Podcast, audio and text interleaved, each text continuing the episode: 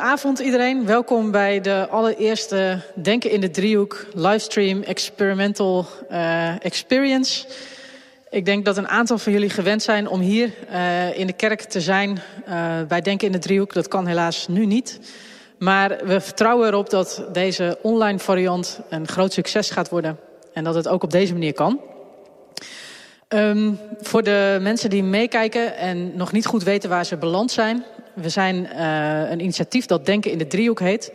En dat is een jaarlijkse lezingenserie die wordt georganiseerd door de culturele commissie van de Oud-Katholieke Kerk in Utrecht. En met deze lezingenserie proberen we hedendaagse kwesties te voorzien van een scherpe analyse. Waarbij we ook altijd graag in gesprek gaan met de aanwezigen. Dus met jullie, en dat zal ook vandaag gebeuren, ondanks het feit dat we dit online doen. Mijn naam is Marieke van den Berg. Uh, ik ben sinds dit jaar lid van deze fijne commissie en vanavond ben ik jullie moderator. Het thema waar wij het dit jaar over gaan hebben, het komende half jaar moet ik dan zeggen, is de toekomst van. En we gaan het hebben over de toekomst van een heleboel dingen. Want als er iets het afgelopen jaar op losse schroeven is komen te staan, dan is het wel de toekomst. Al onze plannen zijn onder voorbehoud. En als protestant mag ik er graag even de Bijbel bijpakken. Dat moet je me maar vergeven. Maar ik citeer uh, wat versen uit Jacobus die ik, uh, waar ik vaak aan moet denken in deze tijden van coronacrisis. En, uh, het is een heel kort gedeelte uit Jacobus 4, het Bijbelboek Jacobus 4. En daar staat dan iets voor u die zegt... vandaag of morgen gaan we naar die en die stad. Daar blijven we een jaar, we zullen er handel drijven en geld verdienen. U weet niet eens hoe uw leven er morgen uitziet. U bent immers maar een damp die heel even verschijnt en dan al verdwijnt. U zou moeten zeggen, als de Heer het wil, zijn we dan in leven en zullen we dit of dat doen. Einde citaat. Dit zijn de versen die hebben geleid tot het veel gehoorde aloude Deo Volente, als God het wil. En ik hoorde dat pas omgevormd worden tot corona volente. Dus als het mag van de corona. Zomaar naar een andere stad gaan, het is nog maar de vraag of dat kan. Ik zou zaterdag naar Assen, naar een verjaardag, maar de nieuwe regels hebben roet in het eten gegooid. En tegelijkertijd is de toekomst ontzettend belangrijk voor ons. Demissionair premier, Rut, premier Rutte begint er stevast zijn persconferenties mee. We moeten hier doorheen, maar we komen eruit, het wordt beter. En dan, als we hieruit zijn, hoe ziet de samenleving er dan uit, post-corona? Wat zouden we willen veranderen? Wat willen we terug? Is er nog wel een weg terug? Als culturele commissie wilden we graag samen met jullie nadenken over de toekomst. Op allerlei manieren.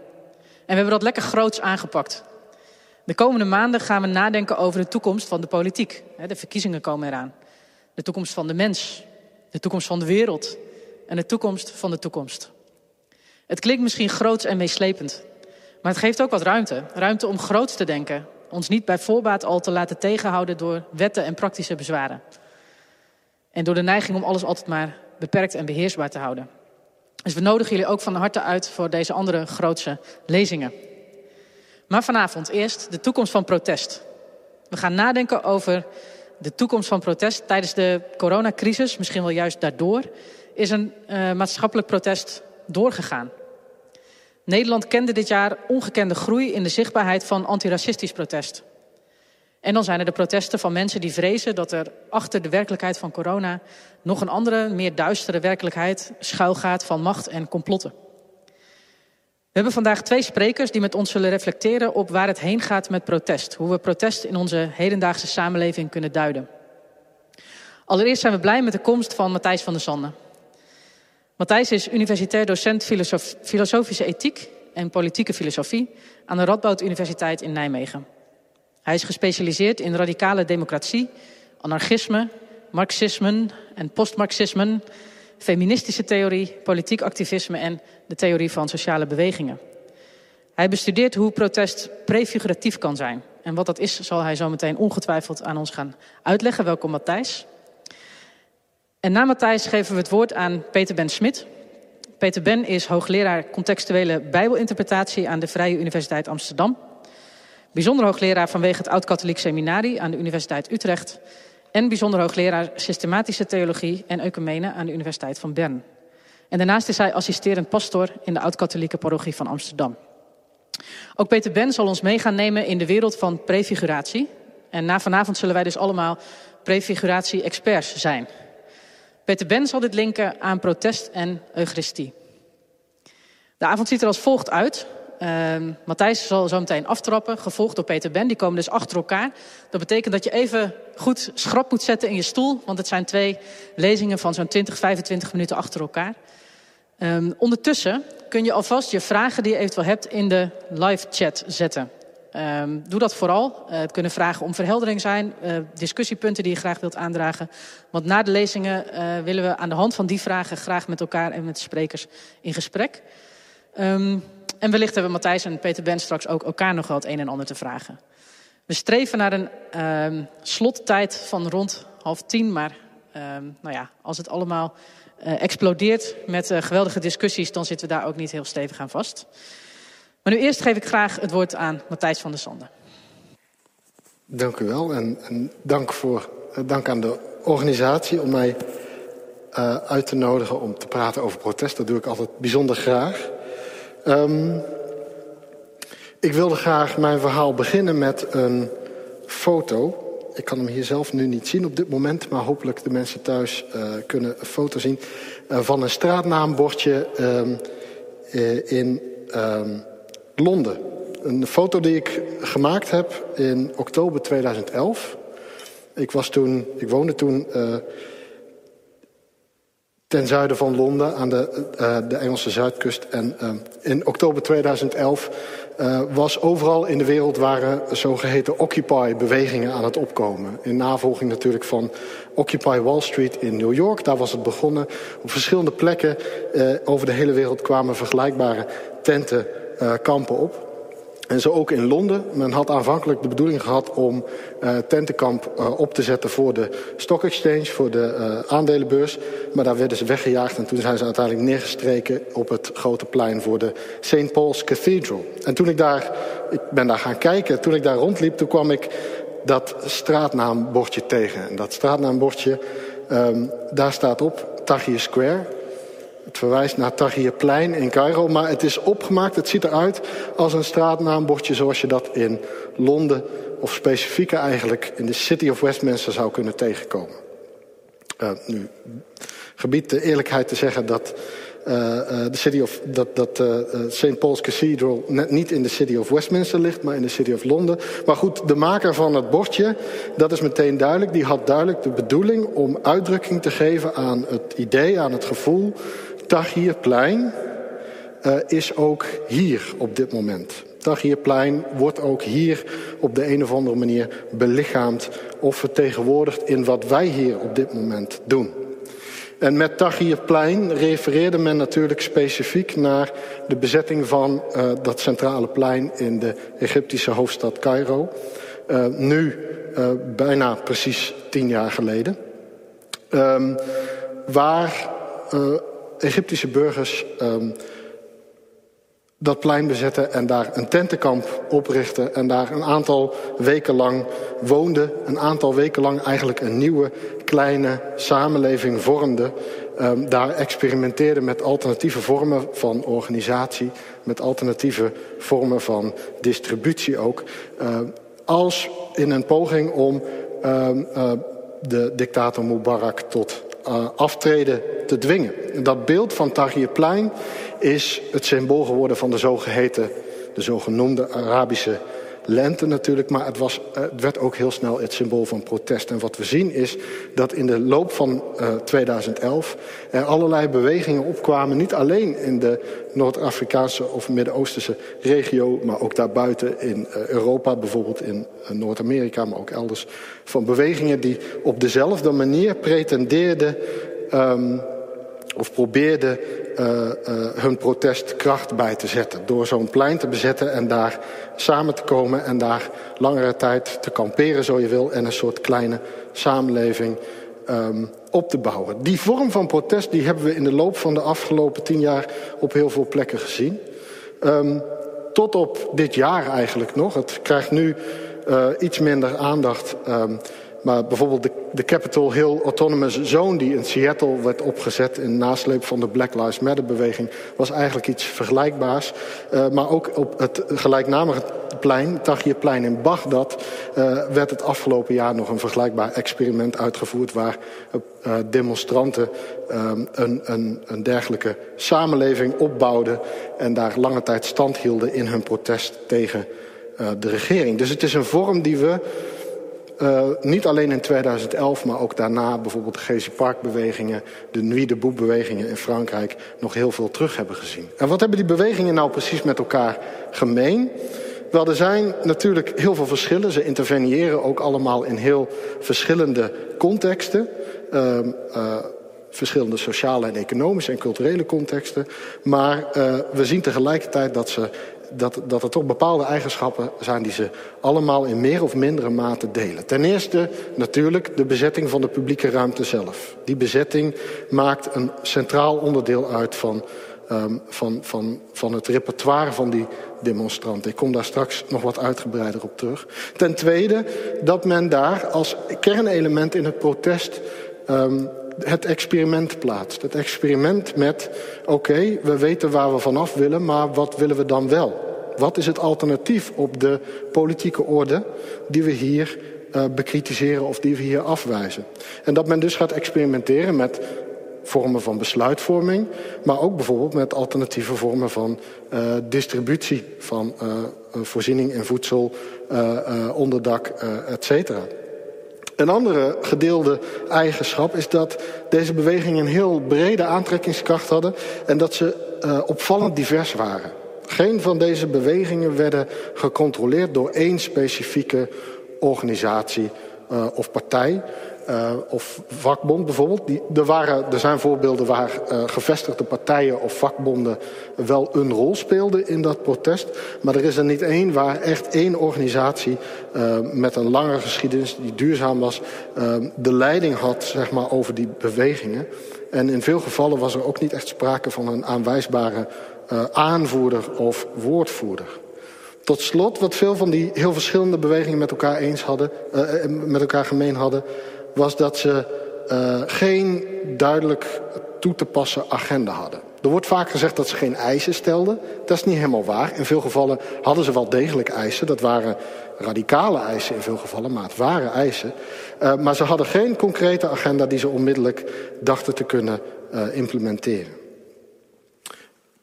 Wat is nou de kern zeg maar, dan, van wat die bewegingen met elkaar delen? Wel, ik denk dat met name hedendaagse anarchistische theorie een concept aanlevert dat ook steeds vaker in die context is gebruikt en dat volgens mij het beste de geest van deze vorm van protest vat en misschien ook de geest van hele prominente, uh, uh, meer algemeen uh, de geest van heel prominente vormen van protest van de afgelopen tien jaar weten te vatten. En dat wordt best uitgedrukt door uh, uh, een antropoloog, David Graeber, die helaas uh, vrij recentelijk over, overleden is. een sterk op het anarchisme geïnspireerd antropoloog. En een van de medeoprichters van Occupy Wall Street. Dus van een van die eerste Occupy-bewegingen die zo tien jaar geleden zo in de aandacht stond. Er is een interview uit oktober 2011, toen die Occupy Wall Street beweging net was opgekomen. En daar wordt, hij, daar wordt hem door een journalist Ezra Klein gevraagd... waar gaat deze beweging nou eigenlijk over? Er is geen duidelijke agenda, er zijn verschillende eisen... maar die zijn heel erg breed, er, zijn er is geen duidelijke leiderschapscultuur. Um, wat is nou eigenlijk het punt van deze beweging? En het antwoord dat David Graeber daarop geeft is... hij zegt, um, inderdaad, we worden daar vaak op bekritiseerd... zoals ook sommige voorgaande bewegingen... zoals de globaliseringsbeweging van uh, inmiddels 15, 20 jaar geleden... Maar er is wel degelijk een reden waarom we zo gekozen hebben voor een, een open experiment. En dan zegt hij het volgende: It's prefigurative, so to speak. You're creating a vision of the sort of society you want to have in miniature. Het is prefiguratief. Een woord dat op dat moment, toen hij dit gebruikte, misschien wel resoneerde in bepaalde activistische kringen. Um, ik zal zoiets meer over de geschiedenis van die term vertellen. Maar uh, die op dat moment uh, nog niet zo wijdverbreid was als tegenwoordig. En het komt wellicht mede door dit soort bewegingen dat die, dat die term een centralere rol is gaan spelen in het uh, maatschappelijk discours rond protest en rond sociale bewegingen. Um, nou, mijn stelling is eigenlijk, dit, dit, dit begrip prefiguratie of het, het, uh, prefiguratieve politiek is een kernbegrip dat we nodig hebben om uh, die sociale bewegingen te kunnen begrijpen. Waar komt, die, waar komt die term nou eigenlijk vandaan? Wel nu, wat dat betreft is het heel toepasselijk uh, dat, ik, dat ik hierover vertel in deze context. Het is een concept die historisch zijn uh, oorsprong heeft in de uh, Bijbelexegese. Het is een term die oorspronkelijk gebruikt werd om verbanden te leggen tussen uh, gebeurtenissen personen in het Oude Testament en het Nieuwe Testament. En vaak waren die gebeurtenissen of personen in het Oude Testament... werden dan geïnterpreteerd als een prefiguratie, zo werd dat genoemd... van wat er in het Nieuwe Testament stond te gebeuren. Met andere woorden, een aankondiging die dan vervuld of gerealiseerd zou worden... in het Nieuwe Testament. Augustinus noemt bijvoorbeeld het voorbeeld van de, de ark van Noach... als een prefiguratie van de, van de kerk... Of het uh, offer van Isaac wordt wel eens genoemd als een prefiguratie van dat van uh, Christus. Um, dat is niet noodzakelijk uh, de betekenis die het heeft in hedendaagse discours rond protestbewegingen, maar er is, er is wel een verband, er is wel een affiniteit. In de sociale wetenschappen en in de politieke wetenschappen komt de term terug in de jaren 1970. Waar die steeds meer wordt gebruikt in verwijzing naar de technieken, de organisatiemethoden uh, van diverse radicale politieke bewegingen. Aan de ene kant wordt het dan gebruikt in verwijzing naar een, een soort strategie. Een strategie die eigenlijk al lang toegepast werd door arbeidersbewegingen vanaf het midden van de 19e eeuw. Um, en aan de andere kant wordt het ook wel gebruikt in verwijzing naar meer een vorm van wat je micropolitiek zou kunnen noemen. Om eerst iets over die strategie te zeggen. Um, je zou kunnen zeggen, prefiguratie uh, uh, wordt vaak in de literatuur begrepen als de poging van protestbewegingen om in hun organisatiestructuur, om in hun uh, vormen van, van organisatie een um, een, een soort prototype te creëren van de structuur van een toekomstige samenleving die men hoopt na een politieke revolutie te kunnen realiseren. De, de syndicalistische vakbond uh, IWW, de Industrial Workers of the World, een belangrijke uh, vakbond, met name rond het begin van de 20e eeuw, uh, verwees ook wel naar dat idee als een poging om een nieuwe samenleving te bouwen in de schil of in de schelp van de oude. Building a new society in the shell of the old. Dus het idee was eigenlijk, uh, je ziet dat ook in bijvoorbeeld discussies rond de functie van de Eerste Internationale, uh, waar Karl Marx en Bakunin een belangrijke rol in speelden natuurlijk.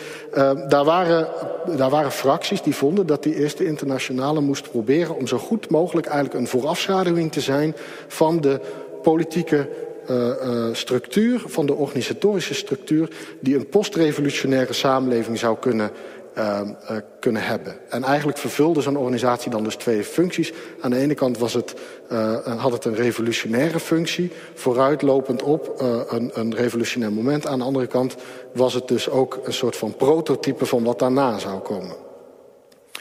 In de jaren 60 en 70 wordt die term prefiguratie ook steeds meer gebruikt in onder andere feministische theorie. En dan verwijst het naar iets vergelijkbaars, maar veel minder strikt organisatorisch. Dan gaat het veel meer over de poging van activisten om bijvoorbeeld in hun dagelijkse contact, in hun persoonlijke verhoudingen en communicatie, uh, een ideaal uh, te belichamen van hoe een samenleving er anders uit zou kunnen zien. En daar zit dus ook een aspect van zelfbevrijding in, zou je kunnen zeggen. We leven in een samenleving die is gebaseerd op allerlei vormen van ongelijkheid en uitbuiting. Maar dat neemt niet weg dat je in je eigen contact met elkaar, in je manier van samenwerken en samenleven, wel kunt proberen om al een belichaming te vormen van de, het soort samenleving die je eigenlijk wil hebben. En dan gaat het dus veel meer over, niet zozeer over grootse organisatiestructuren van revolutionaire bewegingen, maar ook over hoe activisten zich in hun dagelijkse contact tot elkaar verhouden. Wel, in allebei de zin wordt die term veel gebruikt. Um, het is geen toeval dat het in de context van die hedendaagse protestbewegingen, zoals uh, de zogenoemde Arabische lente, Occupy Wall Street, de Gezi Park protesten, etc., dat die term daar terugkomt. Want je zou kunnen zeggen, in zekere zin proberen die iets vergelijkbaars. Op dat bezette plein is men niet alleen maar bezig met het protesteren tegen de status quo, tegen de gevestigde orde, maar men probeert ook in de vorm van organisatie, in de vorm van communicatie en besluitvorming, al een soort beeld te vormen van hoe een radicaal andere samenleving eruit zou kunnen zien. Um, en men prefigureert dus in die in die beperkte ruimte letterlijk op dat bezette plein een soort van miniatuursamenleving die wellicht misschien niet als model zou kunnen gelden, maar die toch een beeld zou kunnen geven, een indruk zou kunnen geven van waar men dan naartoe wil. Tegelijkertijd denk ik dat er juist met die nieuwe pleinbezettingsbewegingen van de afgelopen tien jaar iets interessants aan de hand is, omdat ze ook laten zien dat prefiguratie niet alleen maar een vorm is. Het gaat niet alleen maar om de strategie, het gaat niet alleen maar om de rationale waarmee men handelt. Nee, er zit ook een meer um, uh, inhoudelijk punt in. Er is ook een inhoudelijke reden waarom men specifiek die vorm kiest. Uh, en dus ik, ik, ik, ik kies er vaak voor om die prefiguratieve stijl van die bewegingen te omschrijven als een democratisch repertoire. Het is een geheel aan um, methodes en, en, en, vormen, maar tegelijkertijd ook een, specifieke manier van denken over politieke verandering en wat politieke verandering ook voor de participanten zou moeten betekenen, ook wat politieke verandering inhoudelijk zou kunnen betekenen, die op die manier vorm krijgt en waar bewegingen ook elkaar in verder motiveren en uh, uh, stimuleren en inspireren. En wat we dan zien is dat een aantal punten, een aantal aspecten bij die heel veel verschillende bewegingen in tal van delen van de wereld, dat die toch op de een of andere manier overeen lijken te komen. Ondanks de, uiteraard de vele uh, evidente verschillen tussen, die er tussen die bewegingen bestaan. Er zijn een aantal elementen die je ook in de inhoud van die protesten steeds weer terug ziet komen. En waar men ook inhoudelijk, niet alleen qua vorm, maar ook inhoudelijk een zekere prefiguratie van een alternatief probeert te vormen. Het eerste aspect, wat ze ook inhoudelijk met elkaar gemeen hebben, denk ik, is dat ze in zekere zin allemaal. Um, uh, dat ze in zekere zin allemaal zich keren tegen wat je zou kunnen noemen een ervaring van de precariteit. Een gedeelde ervaring van bestaansonzekerheid. Deze bewegingen keren zich ten dele tegen armoede, moderne vormen van armoede. Um, maar niet alleen, en het is daar niet toe te reduceren, het is breder dan dat. Je zou kunnen zeggen, uh, wat deze bewegingen allemaal op verschillende manieren uiten, is een vorm van kwetsbaarheid, is een gedeelde ervaring van kwetsbaarheid die tegelijkertijd ook heel divers en verschillend kan zijn, uh, waar veel mensen in hun dagelijks leven mee geconfronteerd worden. En de term precariteit wordt daar vaak voor gebruikt, omdat precariteit gaat om iets breder dan alleen maar arm zijn of uitgebuit worden. Precariteit gaat eigenlijk om, je zou kunnen zeggen, de ervaring dat uh, het dak ieder moment boven je hoofd zou kunnen instorten. De ervaring dat je uh, uh, op ieder moment geconfronteerd wordt met een zekere kwetsbaarheid ook in je fysieke bestaan. Het komt tot uiting bijvoorbeeld in het voorbeeld van die recente Capitol Hill Autonomous Zone, die pleinbezetting, die straatbezetting in Seattle, in de manier hoe ze deze bewegingen, eh, deze vorm van bewegen, van, van organiseren gebruiken als aspect van een protest tegen racisme. Black Lives Matter uh, is een belangrijke beweging in de VS op dit moment. En uh, in die Capitol Hill Autonomous Zone in Seattle zag men juist een verband tussen die prefiguratieve vorm en de eisen van Black Lives Matter. Uh, in zoverre dat men probeerde door duurzaam daar op straat die bezetting te houden, uitdrukking te geven aan de precariteit die um, mensen van kleur in Amerika op dit moment aan de lijve ondervinden. Bijvoorbeeld door de constante dreiging van politiegeweld. Je ziet het in uh, de manier waarop uh, sommige van deze bewegingen uh, gebreken aan voedsel of aan materiële voorzieningen problematiseren. Dat is specifiek ook belangrijk, bijvoorbeeld als we kijken naar de Arabische lente. Um, er wordt vaak verondersteld dat uh, het protest in Cairo bijvoorbeeld in eerste instantie om democratie ging. Dat was wellicht een belangrijke term voor veel deelnemers, maar het waren voor een deel ook uh, opstanden die mede uh, tot stand kwamen, mede als reactie op hoge voedselprijzen. En je ziet dat ook in, als je kijkt naar foto- en filmmateriaal. Um, uit die periode, dan zie je ook veel demonstranten met stukken brood lopen als een symbool eigenlijk. Hè, om te symboliseren hoe ze daar zich um, um, keren tegen uh, een gebrek aan voedsel of de hoge voedselprijzen. En het delen van voedsel, het, het distribueren van voedsel, was dus ook een belangrijk element van die prefiguratieve praktijken daar. Het ging niet alleen maar over besluitvorming, maar ook juist, om dat soort basale dingen. Ik denk dat de filosoof um, uh, Judith Butler, gendertheoreticus Judith Butler, dat heel goed uh, laat zien in haar boek over deze protestbewegingen. Dat ze zegt, er is een er is een elementair aspect in het feit dat men juist een dagelijks leven op zo'n plein probeerde in te richten. Want juist door het dagelijks leven op zo'n plein te leiden, uh, gaf men uitdrukking aan die alledaagsheid van dat protest en aan die, die, aan die alledaagsheid van, dat, van die kwetsbaarheid waartegen men daar demonstreerde. Aan de ene kant bezette men een plein, ja, maar aan de andere kant, juist door daar uh, te gaan experimenteren met hoe het leven dan ingericht kan worden, hoe voorzieningen dan kunnen worden uh, uh, ja, voorzien voor mensen, um, kaartte men ook iets anders aan en gaf men mensen ook een indruk van hoe de samenleving dan georganiseerd zou kunnen worden. Het is die alledaagse solidariteit die daar een elementair onderdeel was. Een tweede aspect, wat ik al eerder heb genoemd, dat veel van die, bewe dat, dat, dat, uh, veel van die bewegingen gemeen hadden en dat um, uh, denk ik ook de kern van de inhoud van zo'n prefiguratief protest raakt, is dat publieke ruimte er altijd een heel belangrijke rol in speelt. Je ziet dat bij Occupy Wall Street heel nadrukkelijk. Men bezette een plein dat ooit Liberty Plaza heette en nu Zuccotti Park. En het heette nu Zuccotti Park omdat het genoemd is naar de huidige eigenaar van het plein, uh, die dat op een gegeven moment gekocht heeft en toen uh, heel bescheiden naar zichzelf heeft genoemd.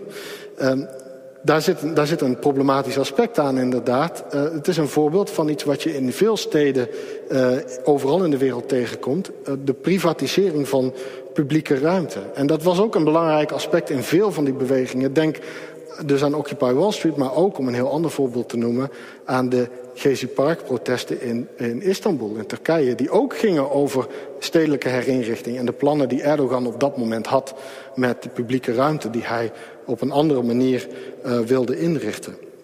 Dus in concrete zin speelt publieke ruimte daar een rol, maar ook in de abstractere zin, in zoverre natuurlijk dat men zich keert tegen het gebrek aan een ruimte waar mensen elkaar tegen kunnen komen. Het gebrek aan ruimte waar mensen ook met elkaar in debat kunnen gaan. Eh, eh, in conclaaf kunnen gaan over politieke vraagstukken. En zelf dus zich deelgenoot voelen van, um, van een politieke gemeenschap. Een derde overeenkomst, um, waar denk ik veel misvattingen over bestaan... Is dat veel van deze bewegingen experimenteerden met alternatieve vormen van leiderschap en representatie. Er wordt vaak verondersteld dat deze bewegingen volledig leiderloos waren en dat ze op geen enkele manier uh, wilden deelnemen aan politieke representatie. Maar dat is volgens mij niet evident waar. Ten eerste zien we in de politieke praktijk van dit soort bewegingen dat er wel degelijk vormen van delegatie en leiderschap bestaan. Dat kan ook niet anders, want je hebt het over grote bewegingen waar mensen soms het voortouw ergens in moeten nemen, waar mensen soms uh, een taak gedelegeerd moeten krijgen om zo'n grote beweging te organiseren. Um, maar deze bewegingen articuleerden ook bepaalde representatieve claims. En vervulden dus op hun eigen beurt wel degelijk een representatieve functie. Denk aan een slogan als We are the 99%. Een van de centrale slogans in dat discours van de Occupy Wall Street beweging. Dat was bij uitstek natuurlijk een representatieve claim. Wat je wel kan zeggen is dat deze bewegingen allemaal op hun beurt experimenteerden met wat een meer rechtvaardige of meer democratische vorm van representatie en van politieke organisatie zou kunnen betekenen. En ik denk dus dat het correcter is om te zeggen dat veel van deze bewegingen nieuwe vormen van leiderschap en representatie combineerden met heel sterk participatieve democratie, participatieve besluitvorming in meer of mindere uh, mate. Dus met andere woorden, er is denk ik een verband in zowel de vorm als de, uh, als de inhoud die veel van deze bewegingen met elkaar delen. Nou zou je kunnen vragen, so what? We hebben inderdaad de afgelopen tien jaar veel van dit soort protestbewegingen uh, zien verschijnen. We hebben ze ook allemaal weer zien verdwijnen. En soms met grof geweld. Een aantal van die pleinen zijn ontruimd. Uh, soms zijn ze langzamerhand uh, verdwenen. Wat voor impact hebben dit soort bewegingen nou daadwerkelijk gehad? En men is heel snel geweest, denk ik, vaak in het, um, in het bekritiseren van die bewegingen als impactloos. Met name Occupy Wall Street bijvoorbeeld wordt vaak genoemd als een, als een uiteindelijk een, een activistische mislukking. Een beweging die nergens toe heeft geleid, die zichzelf niet heeft weten te continueren. Dat prefiguratieve experiment is afgebroken. Maar ik denk toch niet dat dat, uh, dat, dat zo eenvoudig te zeggen is. Uh, dit soort bewegingen hebben juist in hun prefiguratieve praktijk, juist in hun poging om zich een beeld te vormen van hoe een andere samenleving of toekomst eruit zou kunnen zien, een blijvende functie of rol gehad. Uh, ten eerste hebben ze een impact op politieke taal, op het discours dat we spreken. Ik had het net al over die slogan We are the 99%. Uh, je zou kunnen zeggen dat die slogan, met name in de VS, een enorme impact heeft gehad op de manier waarop mensen in Amerika tegenwoordig denken in termen van klassentegenstellingen. Het was ondenkbaar geweest, om maar wat te noemen, dat politici als, uh, als, als uh, Sanders of Ocasio-Cortez vandaag de dag zo'n invloed zouden hebben gehad zonder die bewegingen. Um, een ander aspect waar ze veel impact in hebben gehad... is dat ze hebben geleid tot nieuwe pogingen om op creatieve manier te denken... over de democratische organisatie van de samenleving. Um, denk aan uh, initiatieven rond burgerplatforms. Denk aan initiatieven rond uh, uh, municipalisme, stadspolitiek. Waar je overal in de wereld, ook met name in Europa... vormen ziet van nieuwe organisatiestructuren die worden voorgesteld door sociale bewegingen als alternatief op de bestaande orde. Vaak grijpen die terug op ervaringen die door dit soort prefiguratieve uh, bewegingen zijn vergaard. Uh, tot slot, dit soort bewegingen hebben niet in de laatste plaats natuurlijk heel veel impact gehad op elkaars repertoire. Je ziet dat veel van die pleinbezettingsbewegingen als inspiratie op elkaar golden. Tahrirplein noemde ik eerder al als het symbool dat door veel van dit soort bewegingen opnieuw eigenlijk gerefigureerd werd, geherincorporeerd werd in uh, hun politieke uh, repertoire en op die manier opnieuw aanleiding gaf om dat experiment te herhalen. En je ziet dat ook bijvoorbeeld in om een heel ander voorbeeld te noemen, in Spanje, waar de 15M-beweging in het voorjaar van 2011 uiteindelijk heeft geleid tot nieuwe experimenten in, bij de linkspopulistische partij Podemos, die daar deels uit is voortgekomen. Dus ook in dat opzicht denk ik dat het te gemakkelijk is om te zeggen dat die prefiguratieve experimenten een stille dood zijn gestorven. Je zou op twee manieren, denk ik, kunnen uh, nadenken over de impact van die beweging. Je zou die impact kunnen uh, vatten uh, in de termen van, uh, om metaforen te gebruiken, in termen van processen van kristallisatie en in termen van processen van sedimentatie. Met het eerste, met kristallisatie, bedoel ik eigenlijk dat, en ik gebruik hier een, een, een metafoor die ik ontleen aan het denken van Hannah Arendt, um, zou je kunnen zeggen, ervaringen en herinneringen van die bewegingen in het verleden, die raken, die, die, die, die blijven opgeslagen in ons collectieve bewustzijn. Die blijven opgeslagen in onze collectieve communicatie, in het repertoire ook van hedendaagse protestbewegingen. En die, die komen, die doemen op den duur weer op. Die worden weer opgediept door nieuwe bewegingen. En die gaan door, die, plan, die, die, uh, die borduren voort op de ervaringen van die voortgaande bewegingen. Dus je ziet eigenlijk hoe een ervaring uit het verleden heel lang onder het oppervlakte blijft rusten. Geen impact lijkt te hebben en dan ineens in een heel erg andere context weer wordt opgediept en wordt uh, geactualiseerd. Um, je zou ook over de invloed van dit soort bewegingen kunnen denken in termen van sedimentatie. Dat wil zeggen, hun ervaringen, maar ook hun impact, hun inbreuk op het uh, politieke discours slijt als het ware een beetje in. Het laat een, het plant een zaadje, het laat iets na en laat sporen na die zich langzamerhand ophopen en die leiden tot uh, uh, significante veranderingen in een dominant politiek discours. En ik noemde daar eerder al een voorbeeld van. Je zou kunnen zeggen dat dat idee van de, de We are the 99% slogan um, uh, op zijn beurt heeft geleid tot nieuwe vormen van collectieve identificatie die we vandaag de dag nog steeds in veel maatschappelijke debatten, bijvoorbeeld ook in de VS, tegenkomen. Oké. Okay. Ik uh, denk dat ik het hier voor nu bij laat. We komen later uh, in de discussie hier nog uh, op terug. Um, ik geef graag het woord aan Peter Ben. Ja, goedenavond. Um, ik zou zelf het liefst nu eventjes bijkomen van, um, van de lezing van Matthijs.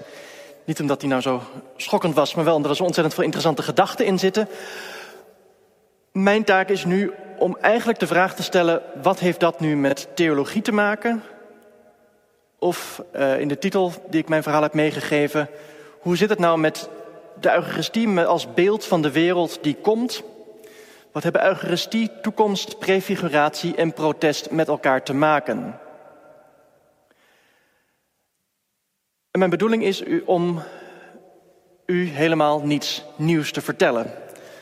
Uh, theologen hebben soms de rol om een beetje conservatief te zijn. Het enige wat ik ga doen is het woord, de term prefiguratief gebruiken om als het ware een dimensie van de Eucharistie, het theologische thema waarop ik me zal concentreren, te belichten dat anders misschien wat minder uh, voor het voetlicht komt. En mocht u nu denken, als hij gaat vertellen dat we binnenkort spandoeken op het altaar moeten hebben, moeten hangen, hoeft het voor mij niet zo. Geen zorgen, ik ga proberen uit te leggen waarom het altaar zelf een spandoek is. Hoe zit dat? Een eerste uitgangspunt is dat christelijke theologie in het algemeen uitgaat van een spanning tussen het nu en wat nog moet komen. Tussen het al, wat er nu al is, en de wereld die komt. Uh, je kijkt terug naar Gods daden in het verleden, naar Jezus. Gedenk dat en kijkt vol verlangen uit naar het koninkrijk van God dat uh, in zijn geheel zal komen. Of je hoopt daarop. En dat gedenken, wat je doet in het nu al, heeft volgens mij het karakter van prefiguratie. Het voorafschaduwen, het al gestalte geven aan, um, het gestal, als al gestalte geven aan de wereld zoals je hoopt, verlangt, verwacht dat die eens zal zijn. En als ik dat zo zeg, ligt dat heel um, dicht aan tegen wat Matthijs van der Sande net zei. En je kunt het ook illustreren met verwijzing naar het leven van Jezus. Wanneer je kijkt naar de Jezusbeweging, Jezus die met zijn leerlingen door Galilea en Judea trekt, verkondigt het rijk Gods, kijkt daarnaar uit en geeft tegelijkertijd in zijn groep, in de groep mensen om hem heen, al uitdrukking, al gestalte aan hoe dat zou zijn. En een heel aantal uh, voorbeelden, of een heel aantal thema's komt dan langs. Bijvoorbeeld de distributie van voedsel. Verhalen als de wonderbare spijziging. Komt vijf keer voor in de evangelie, dus het is een prominent thema. Dat is een thema. Er, iedereen krijgt te eten. Of Jezus eet met iedereen, ook met uh, tollenaars en zondaars. Ook dat is een sociaal visioen, een visioen van gemeenschap, zoals die nu al een beetje is en zoals die hoopte Jezus hoopte zijn discipelen eens zal zijn. Of de omgang met macht. Een van de belangrijkste uitspraken daarvan is dat Jezus in het Marcus-evangelie zegt dat de Zoon des Mensen niet gekomen is om gediend te worden, maar om te dienen en zijn leven te geven als een losprijs voor velen. Een andere omgang met macht, dienend, niet heersend. Nou, zo kan ik nog echt een hele tijd doorgaan. Misschien moeten Matthijs en ik een keer een boek schrijven over uh, de Jezusbeweging als prefiguratieve politiek. Volgens mij kan dat. Maar nu spring ik van Jezus wel door naar de, naar de kerk. Want ik zei, ik, ik wil het gaan hebben over de, over de Eucharistie, over de centrale viering in de kerk. Uh, in de meeste kerkelijke tradities, in ieder geval in de oud-katholieke kerkelijke traditie waar ik zelf in sta. En hoe dat nou zit met prefiguratie. In de Eucharistie zit diezelfde spanning tussen um, nu al en nog niet. Het is terugkijken, dankend terugkijken en gedenken en daarmee present stellen wie Jezus was, wat hij betekend heeft. Dat bedoelen we ook wanneer we het hebben over de tegenwoordigheid van Jezus in de Eucharistie, in brood en wijn. Gedenken, dankend present stellen en daarmee uitkijken naar de wereld zoals die, hopen we, of hoopt de kerk, in Gods koninkrijk zal zijn. Ik heb daarvoor twee afbeeldingen meegebracht. Um, die op enig moment zichtbaar zullen zijn. Twee middeleeuwse afbeeldingen. Eigenlijk ook vanuit de gedachte dat ik helemaal niks nieuws sta te vertellen. Ik ben heel traditioneel vanavond. Uh, op de ene afbeelding is, uh, is het laatste avondmaal te zien. Waar Jezus als het ware als een, uh, een, een, een laat-middeleeuwse huisvader aan tafel zit. En dan helemaal present is. Dat is het nu al. Jezus is er daar op dat schilderij. Je kunt zeggen dat, is, dat klopt niet en het was historisch niet zo. Nee, uh, ja, dat is waar. Tegelijkertijd klopt het historisch wel in de ervaring van de mensen die dit schilderij op deze manier gemaakt hebben. Jezus is er voor hen. Hij is in hun wereld, helemaal geïncultureerd, helemaal in hun cultuur. Het andere schilderij laat zien hoe een priester het lichaam van Christus, de hostie, eleveert, omhoog houdt. En dat is precies het beeld van verlangen, uitkijken naar. Het is een opkijken naar um, God, uitkijken naar God. En dat is ook een belangrijke dimensie in de Eucharistie. Hier in de uh, kathedraal uh, is ook de apsis vormgegeven als ware het het paradijs. Dus in het vieren van de Eucharistie stap je al, kijk je al vooruit naar de wereld zoals die komt. Dus weer diezelfde spanning of die spanning, die dynamiek. Gedenkend, dankend gedenken, daarmee Christus present stellen en uitkijken naar de wereld die komt, Gods koninkrijk. Hoe zit dat dan met prefiguratie en protest in die dynamiek? Ik denk dat in het vieren van de Eucharistie de kerk, de gemeente, de gemeenschap al doet alsof Gods koninkrijk er helemaal is. Sterker nog, Gods koninkrijk is helemaal aanwezig in het doen, in het prefigurerende doen, in het voorafschaduwende doen. Ik geef er straks wat voorbeelden van. Ik maak eerst nog het bruggetje naar, uh, naar protest. En ook daar hoort een afbeelding bij van een, uh, een altaar dat opgesteld is. Uh, zo dat de ene helft aan de Mexicaanse grens van die uh, muur van Trump zit, of dat hek. En de andere kant zit aan de uh, Amerikaanse kant. Nou, dat is natuurlijk een, het is een volledige Eucharistieviering. En er spreekt een heel duidelijk protest uit. En een verlangen, namelijk een verlangen naar een manier van vieren die de grens die er nu nog is, overstijgt. Dus in de gemeenschap rond dit altaar, dat, door die, dat tegen die muur aan of door die muur heen is gebouwd, spreekt iets van verlangen naar de wereld zoals die zal zijn. Het is voorafschaduwend handelen, want die muur gaat er niet van weg. Ja, misschien nu met een nieuwe president wel, maar op dit moment van die foto staat de muur er nog steeds. En dit verlangen naar de wereld die komt en het vieren op zo'n manier dat je de contouren al kunt zien van die wereld, dat is waar ik het verband zie tussen prefiguratie en protest. En ik zei het goed, aan het begin zei ik, geen zorgen, u krijgt geen pleidooi voor een spandoek op het altaar. Het altaar is zelf het spandoek. Op deze afbeelding van, die, van dit altaar dat door die muur heen staat... of tegen twee altaren die tegen die muur aanstaan... en er eentje, samen één altaar vormen... zie je volgens mij tamelijk letterlijk wat dat kan uh, betekenen. Een altaar dat zelf tot spandoek wordt. Hoe, um, hoe zie je dat dan terug in de Eucharistieviering? Ik geef een, uh, een voorbeeld met een citaat uit een van de Eucharistische gebeden uit het Oud-Katholiek Kerkboek. Um, een heel oud gebed um, uit de mijn vierde of vijfde eeuw, dat regelmatig gebruikt wordt. En ik uh, licht er twee zinnen uit. De ene zin is: Bevestig uw kerk die in ballingschap is zolang de wereld duurt en maak haar één in liefde en geloof.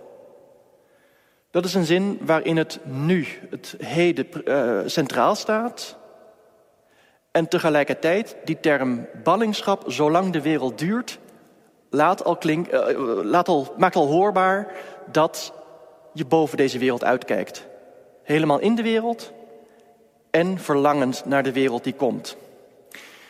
En een, uh, een, een latere zin in dit Eucharistisch gebed, kort daarna, um, zegt dan dat um, de gemeente verlangt om binnen te gaan in Gods koninkrijk, waar ook wij hopen eens en vooral te worden verzadigd met uw heerlijkheid. Dus het is vieren nu, uitkijken naar.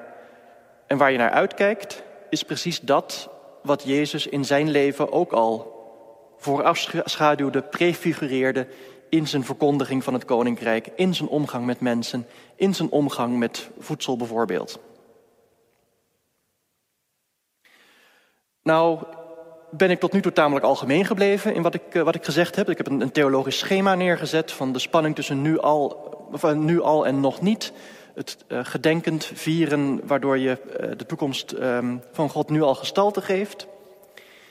Ik denk, in een volgende stap kan ik uh, wat concreter worden. Onder het, het kopje doen alsof, dus heilig spel in de liturgie, doen alsof, spelen alsof omdat het eigenlijk al zo is. Of omdat je gelooft ten diepste dat de wereld, zoals die eigenlijk is en zal zijn, zichtbaar wordt in de Eucharistie. Mijn eerste concrete voorbeeld is de vredegroet. En ik neem dat omdat het een, uh, een element van de Eucharistieviering is dat in de laatste 30, 40 jaar ongelooflijk populair geworden is. Ik denk wie zich uh, herinnert aan Eucharistievieringen of aan de mis van een jaar of 50, 60 geleden, die zal uh, of niet, zich niet gerealiseerd hebben dat er zoiets bestond als een vredegroet. Um, of wanneer je wel weet hoe dat in elkaar zat, dan zal hij zich aan een tamelijk um, minimalistisch ritueel op het, aan het altaar tussen het, het altaarpersoneel, zeg maar zeggen, uh, de voorganger en de assistentie herinneren. Nu is dat heel anders. Um, tenminste, in oud-katholieke vieringen wordt de vredegroet met veel enthousiasme um, uitgewisseld. Dat vinden sommige mensen heel fijn, sommige mensen vinden het een beetje te veel van het goede. Maar daar gaat het me nu niet om. Waar het me wel om gaat, is dat dit als iets prefigurerends gezien kan worden. Met een eigen ervaring.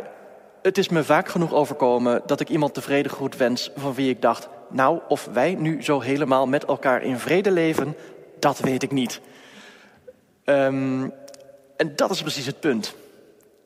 Op dat punt is de vredegroet namelijk prefigurerend, voorafschaduwend, van, uh, voorafschaduwing van de wereld die komt. Namelijk in die wereld waarvan ik hoop en geloof dat ik met die persoon, met wie ik misschien op dat moment een beetje ruzie had, wel degelijk in vrede leef. Dus je, je doet al met elkaar, je stelt jezelf in het teken van een vrede waarvan je gelooft dat die ooit helemaal werkelijkheid zal zijn. Zelfs, nou goed, boven die um, wrijving, die schuring tussen jou en die andere persoon in met wie je, uh, nou goed, die je misschien niet zo aardig vindt op het moment dat je, die, dat, je, dat, je, dat je iemand de vrede wenst. Er zit trouwens ook nog een andere kant aan. Als je de vrede goed zo begrijpt, zo prefigurerend, vooruitblikkend, ik hoef mezelf ook niet te dwingen, emotioneel, om iemand opeens aardig te vinden tijdens de vredegroet. Dat gaat namelijk lang niet altijd. Wat ik wel kan doen, is hopen dat we eens in die wereld zitten waarin dat wat ik nu al doe, heilig spel, speel, doe alsof, werkelijkheid is. Of nog meer werkelijkheid is. Um, tweede uh, voorbeeld dat ik uh, geef, um, heeft met um, de Eucharistische gave zelf te doen. En ook met, met het plaatje dat, uh, dat daarbij hoort, waar u op enig moment zult u een bisschop in de gevangenis zien. Tenminste, u ziet een bisschop en de mensen die om hem heen staan zijn um, uh, gevangenen in een, gevangenis voor vrouwen in, ik meen, de Verenigde Staten. En nu gaat het er mij niet om dat ik zo graag bisschop in een gevangenis stop. Deze meneer die is er volgens mij daarna ook gewoon weer uitgegaan. Hij staat daar de Eucharistie te vieren.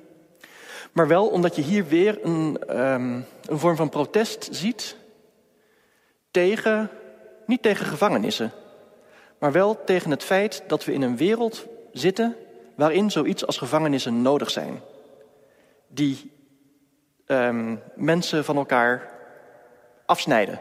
Natuurlijk, bedoel, als je iemand, iemand, wanneer je iemand in een gevangenis stopt, zorg je dat, die, dat niemand meer bij die persoon kan en die persoon ook niet meer bij niemand kan. Dat is ongeveer het doel van de, van de gevangenis. En dat is ook nou ja, uh, vaak nodig. Daar Eucharistie vieren, zoals deze bisschop doet, is protest tegen, ja, tegen wat? Tegen het kwaad in de wereld eigenlijk. Tegen het feit dat deze vrouwen zo'n leven uh, gekregen hebben, om welke reden dan ook. Uh, dat, nou ja, dat ze uh, tot een gevangenisstraf veroordeeld zijn. En dat is een vorm van protest die bijna nog verder gaat dan protest tegen politieke misstanden. Dit is protest tegen ja, het kwaad in de wereld, zonde. En ook vanuit een verlangen dat de wereld eens zo zal zijn dat, je, dat deze bisschop niet daarna weer uit de gevangenis moet, maar dat je in een wereld zit waarin je met iedereen Eucharistie kunt vieren, maaltijd kunt houden, zonder dat er muren tussen mensen staan. Dat is over uh, die, die afbeelding die u hopelijk kunt zien. Um, maar dan is er ook de omgang met brood en wijn. Wie zich een, een Eucharistieviering voorstelt, die weet dat brood en wijn met veel zorgvuldigheid op uh, prachtig, uh, het, gerei, prachtig, um, een prachtige kelk en op een prachtige pateen met heel veel ceremonieel behandeld worden. En daarin zie ik ook iets prefiguratiefs. Want wanneer je namelijk de begeleidende teksten bekijkt, in, dus de gebeden die erbij horen, hoor je daar ook iets in doorklinken van het, um, de gave van Gods schepping en het werk van mensenhanden, dat nu tot God gebracht wordt, met veel eerbied. En dat is al iets bijzonders. Deze zorgvuldige omgang met de natuur, deze zorgvuldige omgang met cultuur, namelijk dat wat mensen gemaakt hebben, brood en wijn. Um, en het, heeft, het, het, het, het laat ook nog eens zien hoe natuur en cultuur tot hun doel komen, namelijk als middel tot gemeenschap tussen God en mensen. De Eucharistie is namelijk een verbindende maaltijd. Er wordt niks weggegooid, ook nog eens een keertje. Um, maar er spreekt ook iets uit van ja, wat, waar, waarvoor hebben we nou eigenlijk de dingen? Waarvoor is brood? Nou, om te eten, zeker. Maar ook om gemeenschap tot stand te brengen. Niet om te verspillen bijvoorbeeld. En ook daarin zie ik iets prefiguratiefs, iets voorafschaduwends. Hoe, zal de, hoe zullen we omgaan met de natuur, met hoeveel eerbied in het Rijk Gods? Hoeveel uh, eerbied zullen we hebben voor dat wat, wat door arbeid gemaakt wordt, cultuur? Nou ja, misschien net zoveel wel als in de Eucharistie. Dit zijn, uh, dit zijn twee voorbeelden, of drie eigenlijk. Ik denk dat ik nog een hele reeks uh, zou kunnen toevoegen. Ik laat het hierbij, omdat ik daarmee um, al hoop um, uh, te hebben kunnen laten zien dat dit begrip prefiguratief, voorafschaduwing, nou ja, dimensies van de Eucharistie naar voren kan laten komen, diep verworteld in de christelijke traditie, diep verworteld in het leven van Jezus, die heel veel met protest te maken hebben, zonder dat je dan per se een, uh, een spandoek op het altaar moet hangen, wat trouwens ook kan, maar wat niet mijn pleidooi is. Ik, ik roep dat trouwens uh, vanuit een heel specifieke herinnering. Ik werk soms samen met een uh, maatschappelijk zeer actieve kerk op de Filipijnen, Iglesia Filipina Independiente, die ook een, nauwe band heeft met de Oud-Katholieke Kerk. En daar ben ik soms um, spandoeken op altaren tegengekomen. En in die context vind ik het ook sympathiek. Maar zoals ik zei, niet mijn punt. Ik um, probeer mijn hoofdgedachten uh, samen te vatten. En dan gaat het om de Eucharistie als een vorm van prefiguratief um, protest. Kern van de Eucharistie is de wereld die komt zoals die zichtbaar werd in Jezus handelen, in zijn leven, dood en verrijzenis, die gedenkend en dankend present stellen. En op grond daarvan uitkijken naar de wereld die komt. En in die viering al doen alsof we in die wereld zijn, omdat het eigenlijk al zo is. Ten diepste, uh, bedoel, het is een volgorde van wat is de uitzondering. Um, ik doe het met een, met een kleine anekdote. Een uh, bevriend, van een, een collega-pastoor was ooit met zijn zonen, vier stuks, naar het eiland Athos geweest. Dat is een, een monnikenrepubliek in Griekenland, of, ja, onder de, bij Griekenland. En um, na terugkeer hielden ze daar een presentatie over. Waarbij een van de zonen zei: ja, Ik vond het zo ontzettend interessant. Het is de omgekeerde wereld. Hier onderbreken we het ritme van onze week om ook nog naar de kerk te gaan. Daar onderbraken ze het naar de kerk gaan, namelijk het voortdurende bidden in die kloosters, om af en toe ook nog wat te eten of te werken. Zo kun je ook naar uh, de Eucharistie en prefiguratie kijken.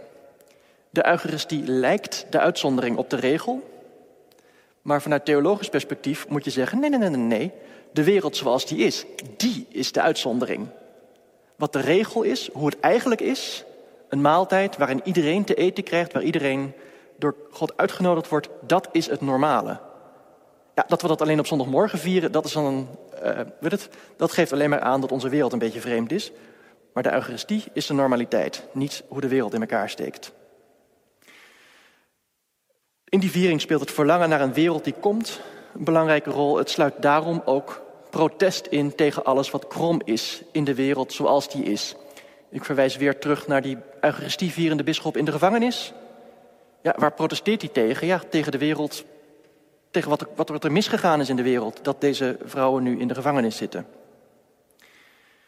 En ik denk dat dat, dat hele brede protest ook helpt om te begrijpen welke brede zin Eucharistie uh, nou ja, protest tegen een kromme wereld is.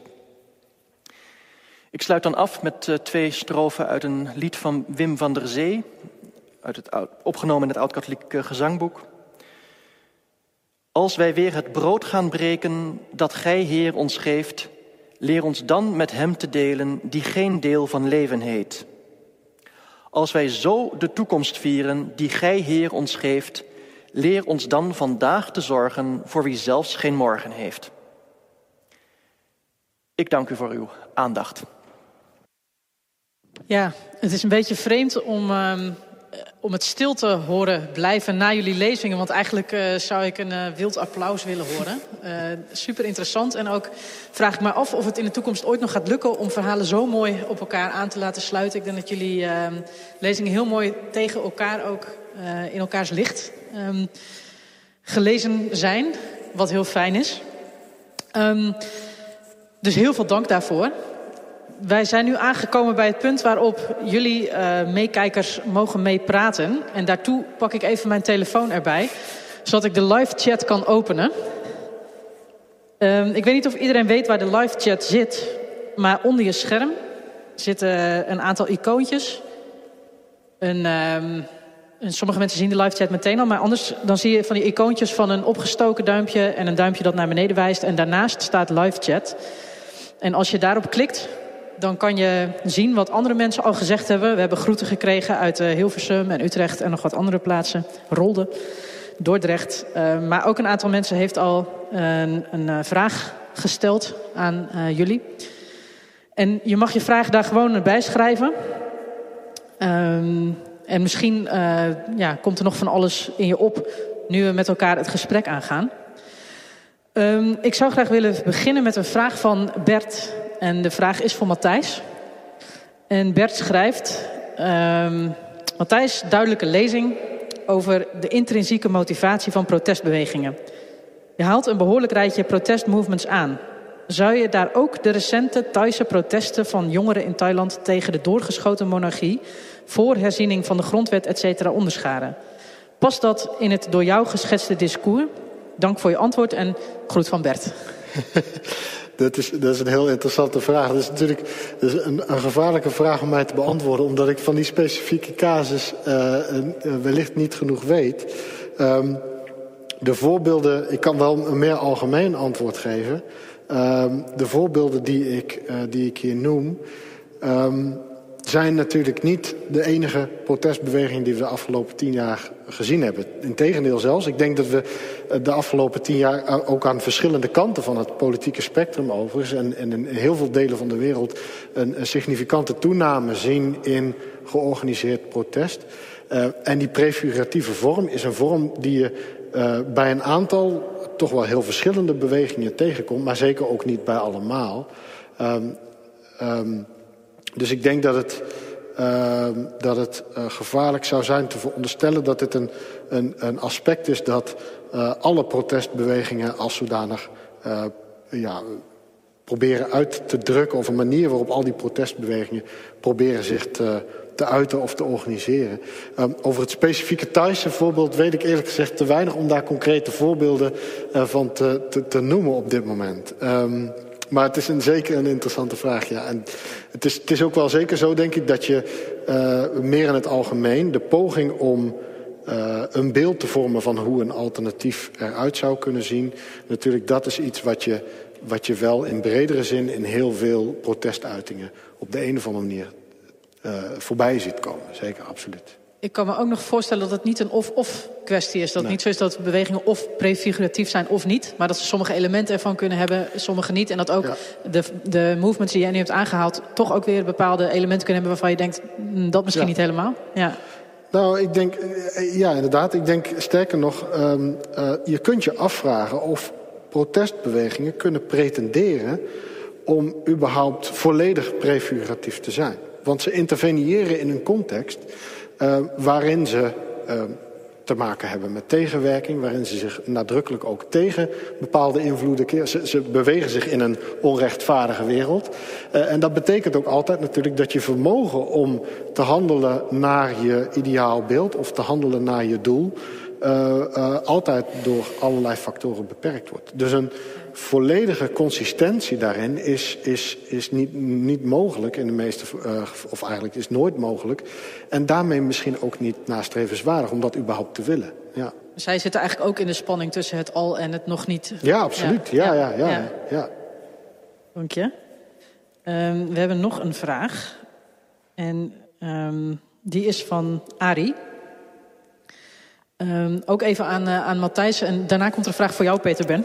Uh, geen nood. Uh, Arie uh, zegt ook dank je, Matthijs, voor een bijzonder duidelijk uh, verhaal. De protesten lijken naast een visionair ook een teruggrijpend karakter te hebben. Bijvoorbeeld het verzet tegen de privatisering van de publieke ruimte. En de vraag is dan, is prefiguratie niet ook steeds een retrofiguratie? Mm -hmm. Ten slotte, Prefiguratie herken je pas achteraf, vraagteken. Althans in de exegese waar het begrip vandaan kwam. Dus eh, pas omdat het Nieuwe Testament, vat ik het maar zo op, omdat het Nieuwe Testament er is, kun je terug gaan kijken naar het Oude. Ja. Ja. Um, ja, dat, ja, dat is een, een fascinerende vraag. Ja. Um, er is veel discussie mogelijk en die wordt ook gevoerd onder filosofen met name uh, over. Um, de vraag wat is nou eigenlijk de temporaliteit van prefiguratief politiek. Je zou prefiguratie echt kunnen voorstellen als een poging om um, een tijd die nog moet komen op de een of andere manier uit te beelden of te experimenteel te vormen. Maar er zijn ook voorstellingen van prefiguratie die eigenlijk zeggen, nou nee, prefiguratie is veel sterker dan dat. Het is een doorbreking van een chronologische manier van denken in tijd. En ik denk dat dat in de buurt komt bij een aantal voorbeelden die Peter Bent noemde. Van hè, Christus die aan tafel zit in een, in, een, in een, duidelijk in een andere context dan waarin Christus geleefd heeft. Um, je ziet daar eigenlijk hoe die voorstelling ook uh, de, de, de chronologische manier waarop wij gewend zijn om tijd te denken doorbreekt. Um, en dat klinkt heel abstract, maar het is, het is niet noodzakelijk uh, het is niet evident dat we tijd alleen als een chronologische uh, uh, ontwikkeling zouden moeten begrijpen. En dat is eigenlijk een heel typisch moderne opvatting van tijd. In het verleden had men, bijvoorbeeld de oude Grieken, hadden verschillende tijdsopvattingen die naast elkaar stonden. je had de tijd als een moment waarin alles samenvalt, het kairotische moment, belichaamd door de god Kairos. En je had inderdaad een chronologische tijdsopvatting waarin tijd als een lineair proces van punt A naar punt B wordt beschouwd. Dat je zou prefiguratie kunnen voorstellen als een moment op zo'n lineair proces, waarin men vooruit kijkt naar de toekomst, naar wat er verderop in die lineaire ontwikkeling nog komen gaat. Maar er zijn ook voorstellingen van prefiguratie die zich veel meer, die veel meer in dat soort termen van een kairos zijn gevat, waarin ze zeggen nee, dit is juist het, een moment waarop toekomst, heden en uh, verleden met elkaar samenvallen en waarin eigenlijk het verschil tussen wat ooit was en wat gaat komen er niet meer toe doet. Um, ja, goed, dat, dat klinkt abstract, maar ik denk dat je met name ook in andere fases in de geschiedenis voorbeelden daarvan tegenkomt. En inderdaad ook in, in een aantal voorbeelden die, die Peter Ben uh, uh, noemde. Ja. Dankjewel. Uh, er komen nog wat andere vragen in mij op, maar die bewaar ik nog heel eventjes voor straks. Want we hebben nog een vraag van Bert. Uh, deze is aan jou, uh, Peter Ben. Bert vraagt, de brug die je slaat tussen de lezing van Matthijs en het altaar waarin Christus present is als hedendaags werktuig van prefiguratie vind ik vooral beeldend en maakt de Eucharistie des te waardevoller. Ben je niet bang dat, die, dat Jezus als onderdeel van een zogeheten protestbewegingen te verplatten, dat staat tussen aanhalingstekens, verplatten, naar hoe wij als aardse mensen graag hem willen zien. Dus God als een, als een aardling. Om, om die Jezus, die dus onderdeel is van protestbewegingen, uh, wordt die niet te veel zoals aardse mensen hem willen zien? Ja, bedankt uh, Bert voor deze vraag. Goed, dat risico is natuurlijk altijd. Hè. Je hebt de, de, klassieker van de um, onderzoek naar Jezus is um, Albert Schweitzer, uh, Geschichte, Geschichte der Leben Jesu Forschung. Geschiedenis van het onderzoek naar de historische Jezus. Met als conclusie dat het resultaat van zulk onderzoek over het algemeen um, een Jezus is die verdacht veel lijkt op degene die het onderzoek gedaan heeft. uh, dus ja, dat risico is er altijd bij, bij, bij dit soort modellen. En ik heb natuurlijk, dat moet ik er gelijk ook bij zeggen, um, nu heel uh, bewust naar één specifieke dimensie van Jezus gekeken. Er zijn nog veel meer dimensies te bedenken. Maar ik hoop eerder voor diepgang dan voor verplatting gezorgd te hebben op, op twee punten. Aan de ene kant een diepgang in de, ook de historische figuur van Jezus, maar ook een vorm van diepgang in de, in de eucharistische Jezus, zou ik maar zeggen.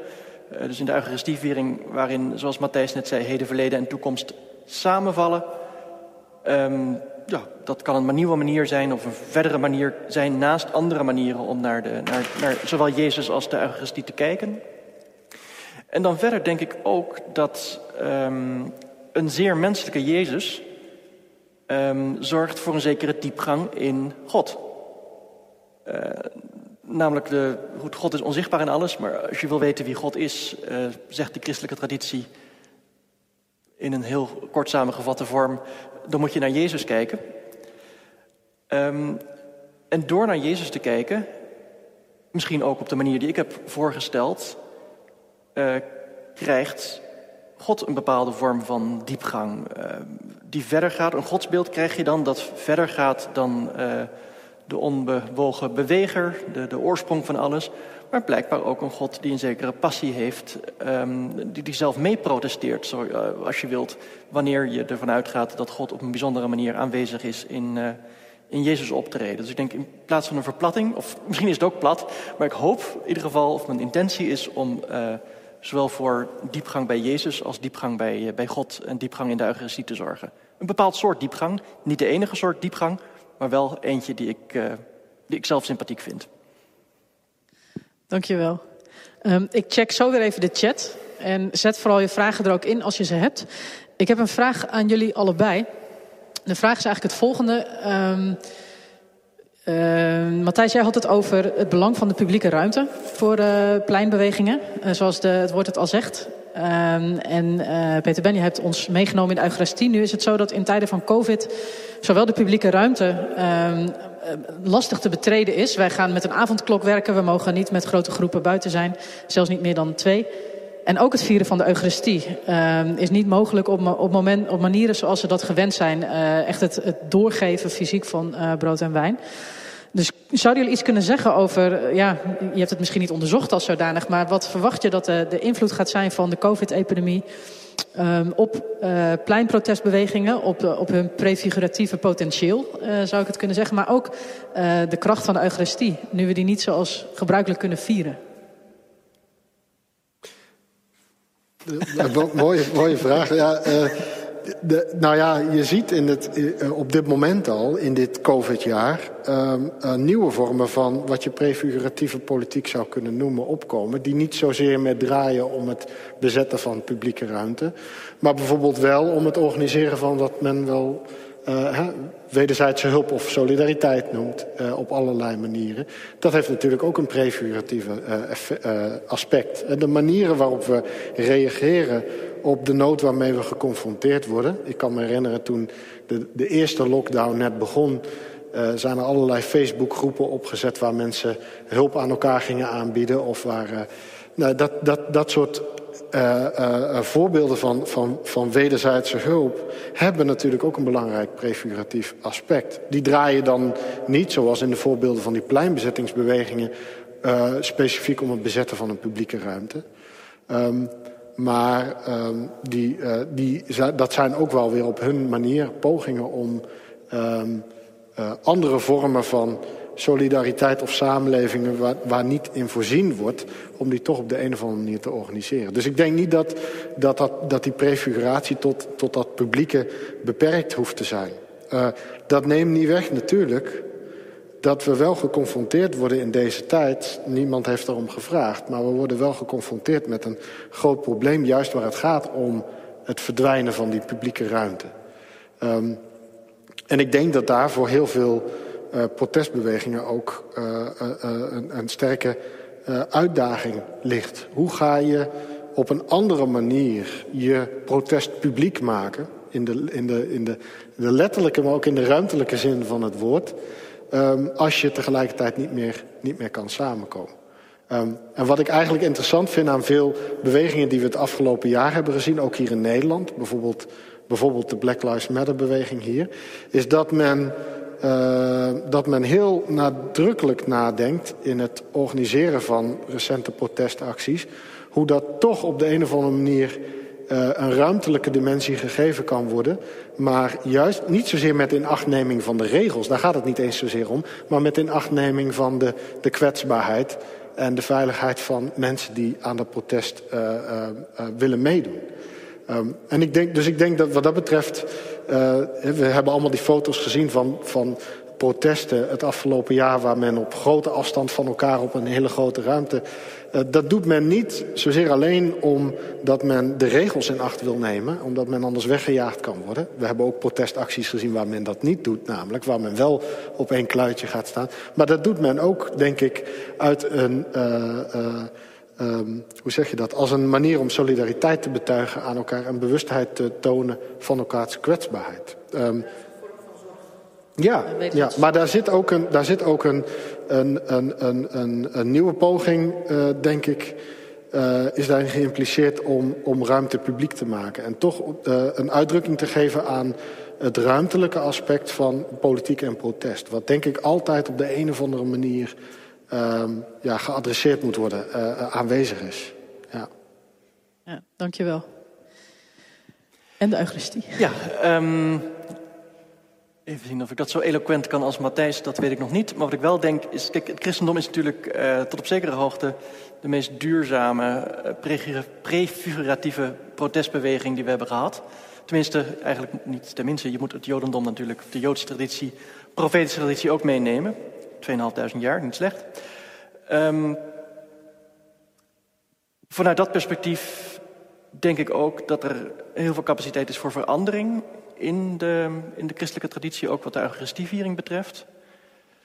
Uh, wel denk ik dat het, uh, dat het protestkarakter daarvan nu vooral bestaat in het blijven vieren ervan. Um, de Eucharistie is namelijk een viering die, als je die viert, het is een maaltijd. Een samen maaltijd houden, werkelijk samen eten en vooral samen dezelfde eten. Dat gaat alleen maar wanneer je uh, ook werkelijk fysiek samenkomt. Dat gaat nu niet. Dus, tenminste in, in, deze kerk wordt uh, met een hele kleine groep gevierd, het wordt uitgezonden. En in die situatie schuilt ook een verlangen naar een andere situatie. die, die viering die schreeuwt erom, niet alleen omdat er gewoon meer plek is in het gebouw, maar omdat de viering is gericht op gemeenschap tussen mensen via de maaltijd met Christus, eh, dat dat fysieke presentie inhoudt. Het is een protest, niet zozeer tegen de coronamaatregelen, die zijn een uitdrukking, daaraan houden is een uitdrukking van naaste liefde, maar het is wel een protest tegen deze situatie.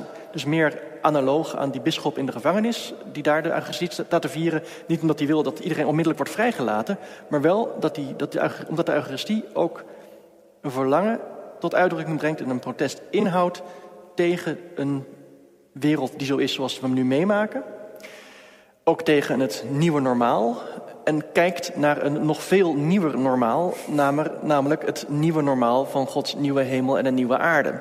Dat is het eschatologische, dat, dat perspectief op de, nou ja, Gods koninkrijk gericht. Zeg, ja, dit, ook wanneer het misschien nu niet anders kan, behouden we ons het recht voor om te zeggen dat dit niet normaal is.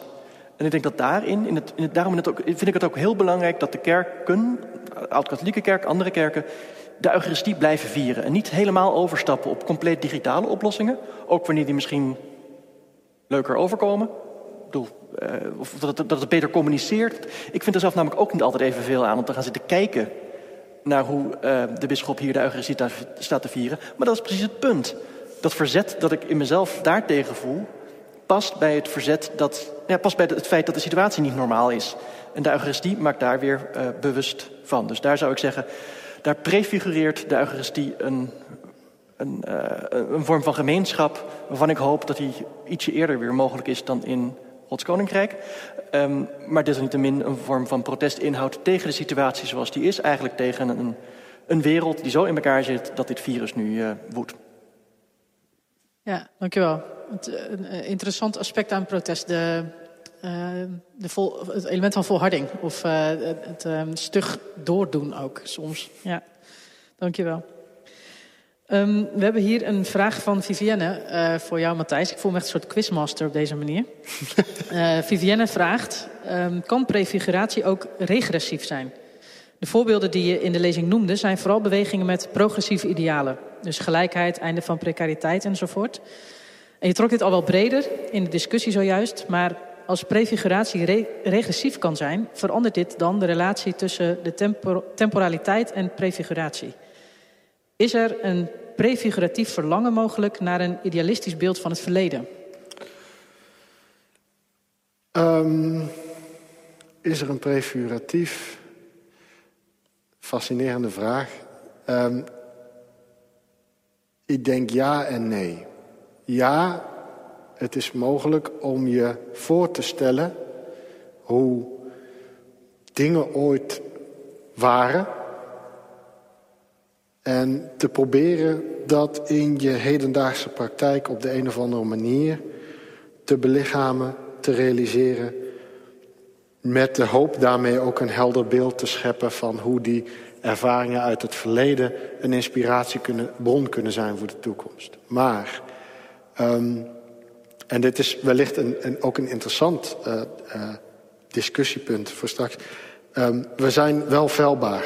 We, handelen in een uh, in een uh, wereld die niet door ons bepaald wordt. Hè, dat is protestbewegingen ook interveneren, zoals ik eerder zei, in een context die, uh, waar zij, waar tegen ageren op de een of andere waar ze tegen protesteren. Die vijandig is, zou je zelfs kunnen zeggen. Maar demonst demonstranten hebben ook niet noodzakelijk alle waarheid in pacht.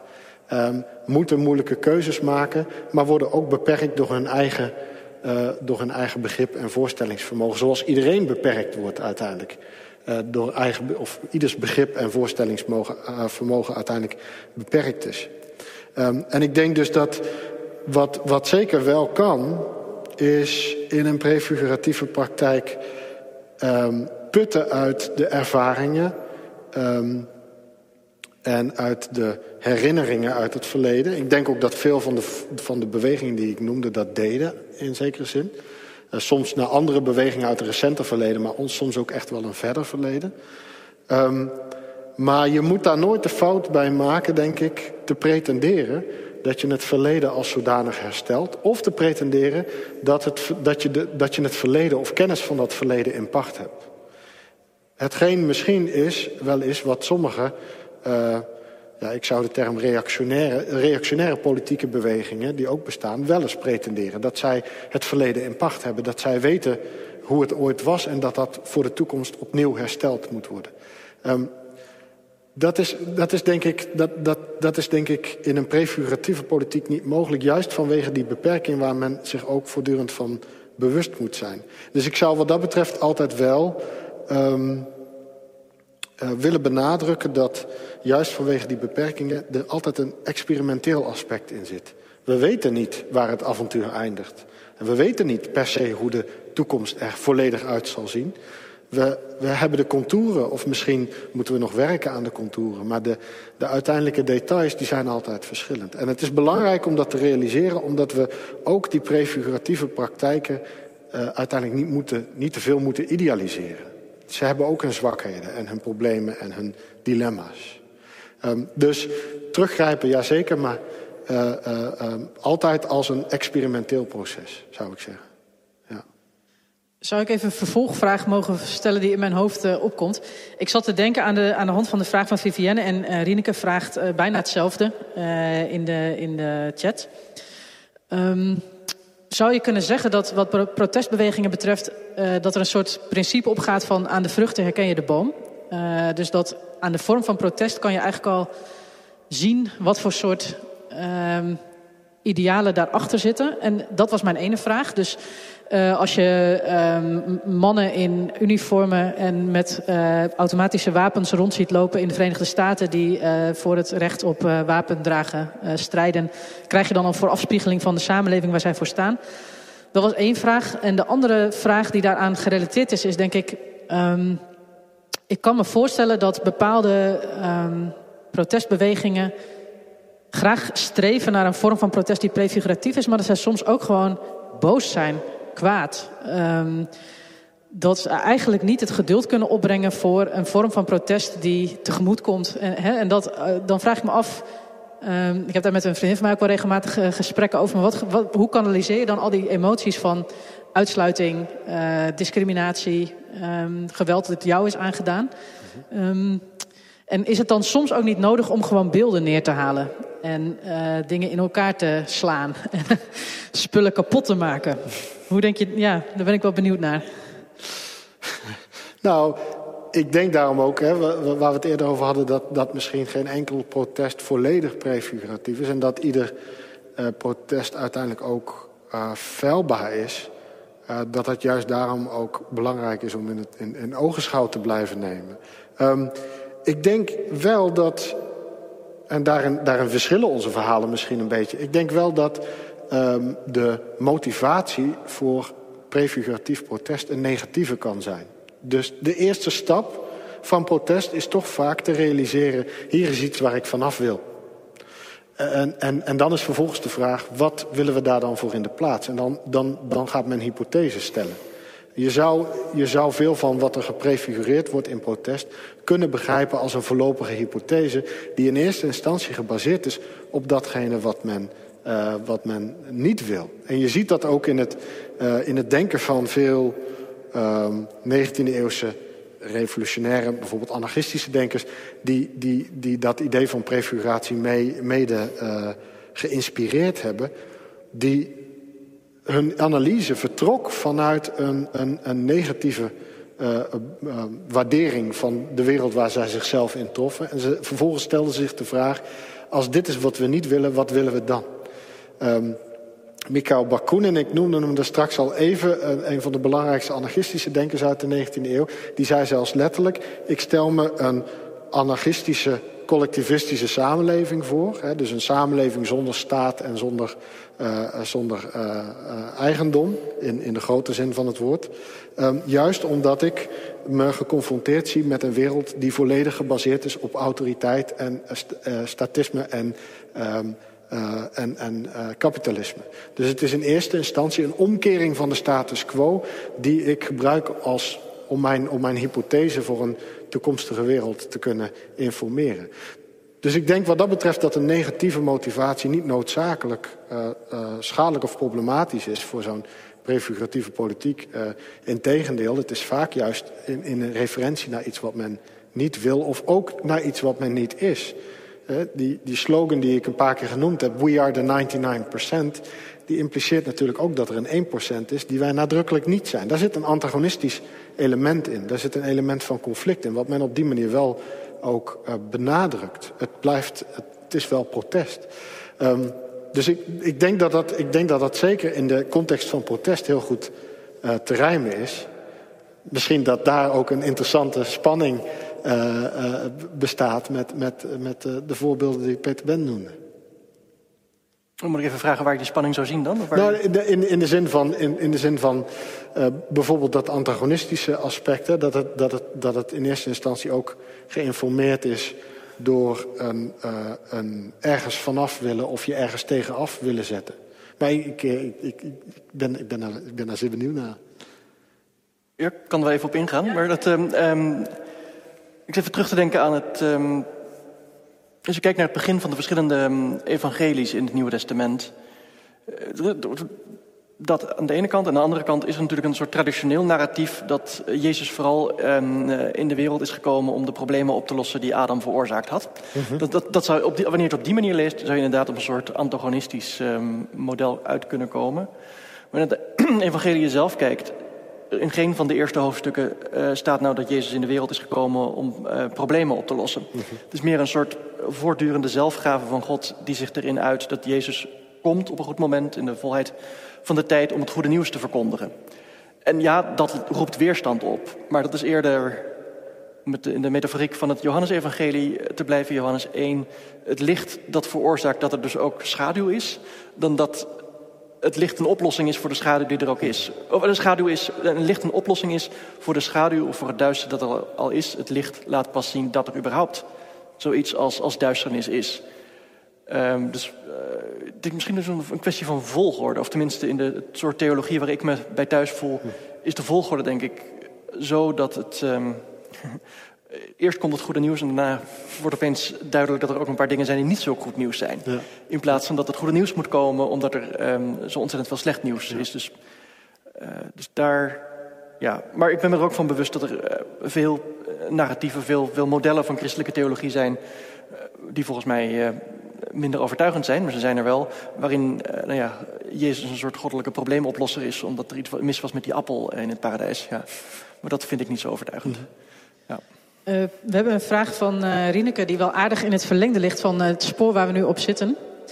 En die net teloor is gegaan omdat ik dacht dat zij een soort Vivienne was. Dat is zij niet. Zij heeft ook nog een vraag die niet overlapte. Um, en die gaat ook over de Eucharistie. Um, en dan is de vraag, um, in beide verhalen klonk prefiguratie eigenlijk als iets in zichzelf iets positiefs. Maar met betrekking tot de Eucharistie kan, het, uh, kan de Eucharistie niet ook um, een heel macht, uh, rol, masculiniteitsbevestigende activiteit zijn. Um, dus is het per se een voorafschaduwing van iets goeds? Maar op het moment, ik, ik vul maar even in voor Rieneke. Um, omdat ik, uh, terwijl dat soort gedachten ook door mij heen schoten. Op het moment dat de Eucharistie alleen door een man bediend kan worden... Is het dan, in hoeverre is het dan nog een voorafschaduwing van een mooiere wereld die komt? En ik dacht daar ook nog achteraan.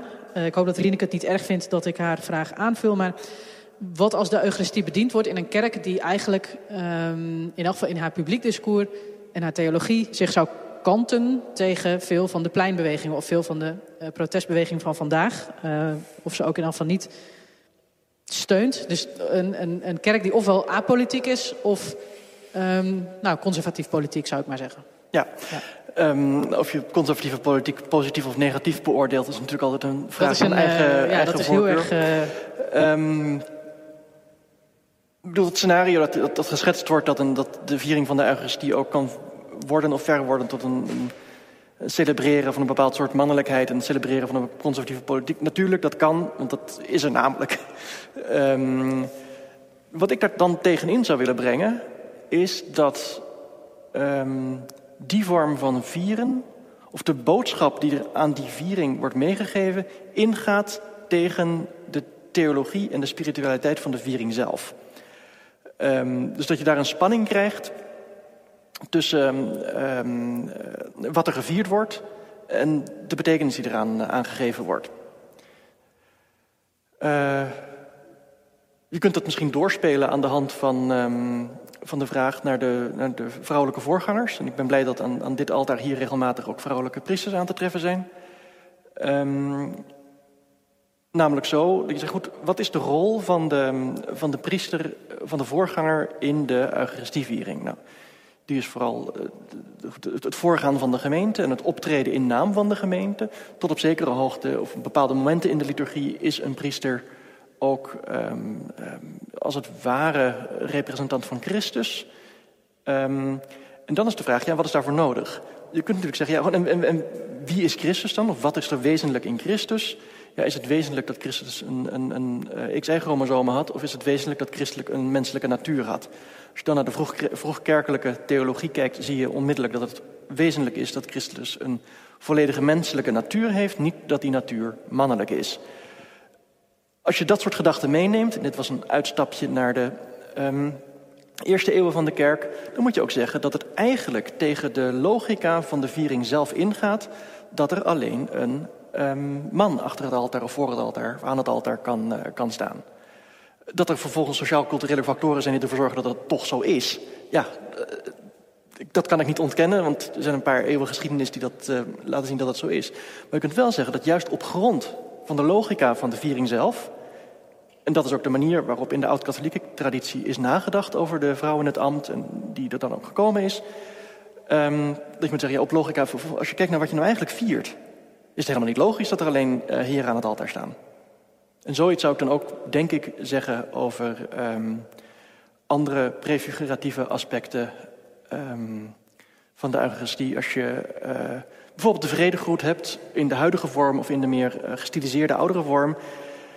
En je draagt tegelijkertijd uit dat je vindt dat Gods vrede er helemaal niet voor iedereen moet zijn.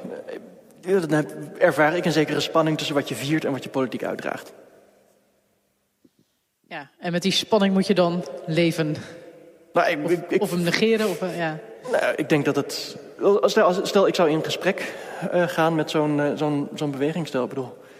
Ik, ik, vermoed dat er onder de wat is het, 75 miljoen Amerikanen die uh, op um, nu ex-president Trump gestemd hebben, toch wel een paar zitten die regelmatig de mis um, vieren. Of net zoals de huidige president Joe Biden, die natuurlijk katholiek is, rooms-katholiek is. Um, waar, als ik vraag, waar moet ik dan mee over in gesprek gaan? Ik zeg van, nee, goed, laten we kijken naar dat wat we allebei vieren, namelijk de Eucharistie. En wat voor soort. Het kan ook zijn dat ik ernaast zit, maar mijn lezing van de Eucharistie, van, van, van, van het ritueel, van, ook op grond van de uiteindelijk nieuwtestamentische achtergronden daarvan, is er toch eentje die een bepaalde kant op wijst. En probeer me ervan te overtuigen dat niet zo is. Want ja, net zoals protestbewegingen niet alle waarheid in pacht hebben.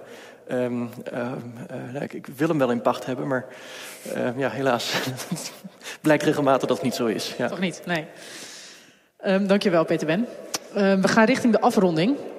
Er was nog één vraag van Ari uh, in de chat, maar uh, dat was een uh, behoorlijk filosofische over het denkbare en de grenzen van ons denken en hoe protest de grenzen van ons denken kan oprekken. Dus ik stel voor dat we die meenemen als een contemplatieve vraag de rest van de week in. Um, als Arie dat hopelijk goed vindt. Want ik zou jullie willen vragen, uh, voor we echt gaan afronden... of er nog iets in het verhaal van de ander is geweest... dat je aan het denken heeft gezet... of waar je nog op zou willen reageren... of waar je een mooie connectie hebt gezien. Een soort laatste woord richting de ander... over iets dat je is, is opgevallen.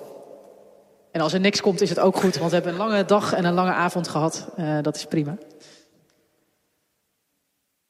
Ja, oké. Nou ja, ja... Um deels heb ik het daar al wel over gehad. Um, maar dat was wel iets waar ik, waar ik, waar ik benieuwd naar was. Ik noemde eerder het voorbeeld van uh, de, de, oorsprong van dat idee van prefiguratieve politiek in radicale arbeidersbewegingen in de, in de 19e eeuw. En hoe dat, hoe die, hoe dat, dat idee, men gebruikte in eerste instantie in die context het woord prefiguratie niet. Maar hoe dat idee van verandering in loop der tijd ook uh, zelf is veranderd. Um, en ik denk dat een van de aspecten die je juist heel duidelijk ziet... dus bij hedendaagse bewegingen, is precies die... Um, dat gebrek aan een gearticuleerd idee van wat dan het ideaal is. Het vormen van het idee, het articuleren is zelf zeer sterk onderdeel van dat prefiguratieve proces. Zoals ik al zei, men, men heeft de waarheid uiteindelijk niet in pacht. Men is feilbaar. Um, en en dat, dat, zou, dat, dat was wel een vraag die ik wilde stellen. Van, herken je in de voorbeelden die je noemde... Uh, een vergelijkbare, hoe zeg je dat, uh, ook openheid naar die toekomst... Of impliceert prefiguratie, zoals jij het, uh, het, gebruikt in deze... wat ik ook goed zou kunnen begrijpen... maar dan, dat brengt ons dan terug op discussies over tijd ook en zo... impliceert het veel meer eigenlijk een, ja, een, een, een, uh, een, een, een al heel sterk gearticuleerd... of misschien zelfs geconsolideerd idee van hoe die toekomst er dan uit zou moeten of zou, zal zien. Ja. Dank je. Um, ik denk dat, um, dat, hoe graag ik ook romantisch zou willen zijn en zeggen: ach, het ideaal was er al een keer en we gaan terug naar het ideaal. Ik uh, ben niet zo romantisch. Ik, nee, maar iets serieus. Ik denk als je naar het. Um, maar dan zeg ik laatst een, een, een college gegeven over um, queer benaderingen in de theologie. Dat heeft heel veel te maken met onder andere um, meer fluïde vormen van identiteit. Tenminste meer fluïde ten opzichte van het denken in duidelijke categorieën. Uh, alsof dat normaal zou zijn. En een van de um, colleges in die reeks was ook gewijd aan denken over de toekomst. Dus eschatologie, denken over het einde, denken over Gods koninkrijk. En het aardige daarvan is, is dat je in heel veel vroeg christelijke teksten... als het om lichamen gaat en om seksualiteit... daar een heel grote openheid hebt van ja, we zullen op een bepaalde manier bestaan. Ja, als engelen, wat dat is weten we ook niet precies. Uh, maar dat een enorme nadruk ligt op transformatie. Uh, en dat is denk ik heel belangrijk voor het kijken naar christelijke traditie in het algemeen. Dat het een beweging is die op het einde gericht is, of op, op het eschaton of op Gods koninkrijk, en dat dat transformatie inhoudt. Wat ik vooral boeiend vind, is dat dan heel veel, vrijwel alle kerkvaders er wel over speculeren over hoe het zou kunnen zijn, maar uiteindelijk een grote um, terughoudendheid hebben om dat, als, uh, om dat, dat mysterie in te vullen. Hm. Dus ik denk dat daar, uh, je kunt, ja, uh, ik noemde net een paar tamelijk duidelijke voorbeelden. Maar ook wat, ja, ik kan wel zeggen dat, om bij de vrede weer te gaan zitten, ik kan wel zeggen dat het een omvattende vrede is die erin insluit. Maar hoe dat zal zijn, ik heb geen flauw idee, want ik ben, bedoel, ik ben een veel te onaardig mens om met iedereen in, in vrede te leven. Dus hoe dat zal zijn met iedereen in vrede te leven, geen flauw idee. Ja. Er is nog ruimte om ons te laten verrassen. Hm. Ik hoop het wel, ja. ja. Lijkt vreselijk saaie heen. Ja. ja. Peter, ben is jou nog iets opgevallen in het verhaal van Matthijs... of iets dat je nog zou willen aankaarten of um, noemen? Um, nou, het enige dat ik inderdaad dat ik wil, dat, dat, dat, dat moet dat artikel of dat boek samen gaan schrijven. Dat, nee, ik denk dat, ja, dat, is nu gezegd. Dat is nu gezegd, dat boek. Belofte het maakt steeds groter. Het was een artikel, wordt nu een boek. Nee, maar serieus, ik denk dat, dat de, de gedachtenwisseling, ik heb nog zitten meeschrijven. Ik, ik denk dat het heel... Um, ik ben altijd benieuwd naar, naar, naar manieren, lenzen, waardoor je nog... Of begrippen, in dit geval prefiguratie, waardoor je nog iets meer nou, in de christelijke traditie kunt ontdekken in, in de Eucharistie of in het Nieuwe Testament dan ik tot nu toe zag. En dit is, je hebt mij een hele reeks eye-openers bezorgd. Dus kom ik, um, ik kan je nu waarschuwen, daar kom ik op terug. Super. Heel fijn, dank jullie wel. Ik heb um, een, uh, een bloemetje voor jullie. Daartoe loop ik even daarheen, want daar liggen ze. Ik kan ze jullie niet overhandigen in verband met de afstand. En ik denk dat ze niet hier op die tafel mogen liggen, of mag dat wel? Ik weet niet, als je dat ik weet dat niet, want ik ben protestant. ja. is, is, hier iets mee waardoor het er niet ja, mag liggen? Dat is een altaar, dus doe maar niet. Nee, oké. Okay. Dan um, leggen we ze hier op deze ja. stoel. Uh, hier liggen ze te wachten uh, op jullie. Zometeen uh, heel veel dank. Ik denk als de mensen die nu met ons mee luisteren en kijken hier waren... zouden jullie nu een applaus geven. Dus laten we tien seconden stil worden en dat applaus in ons hoofd laten klinken.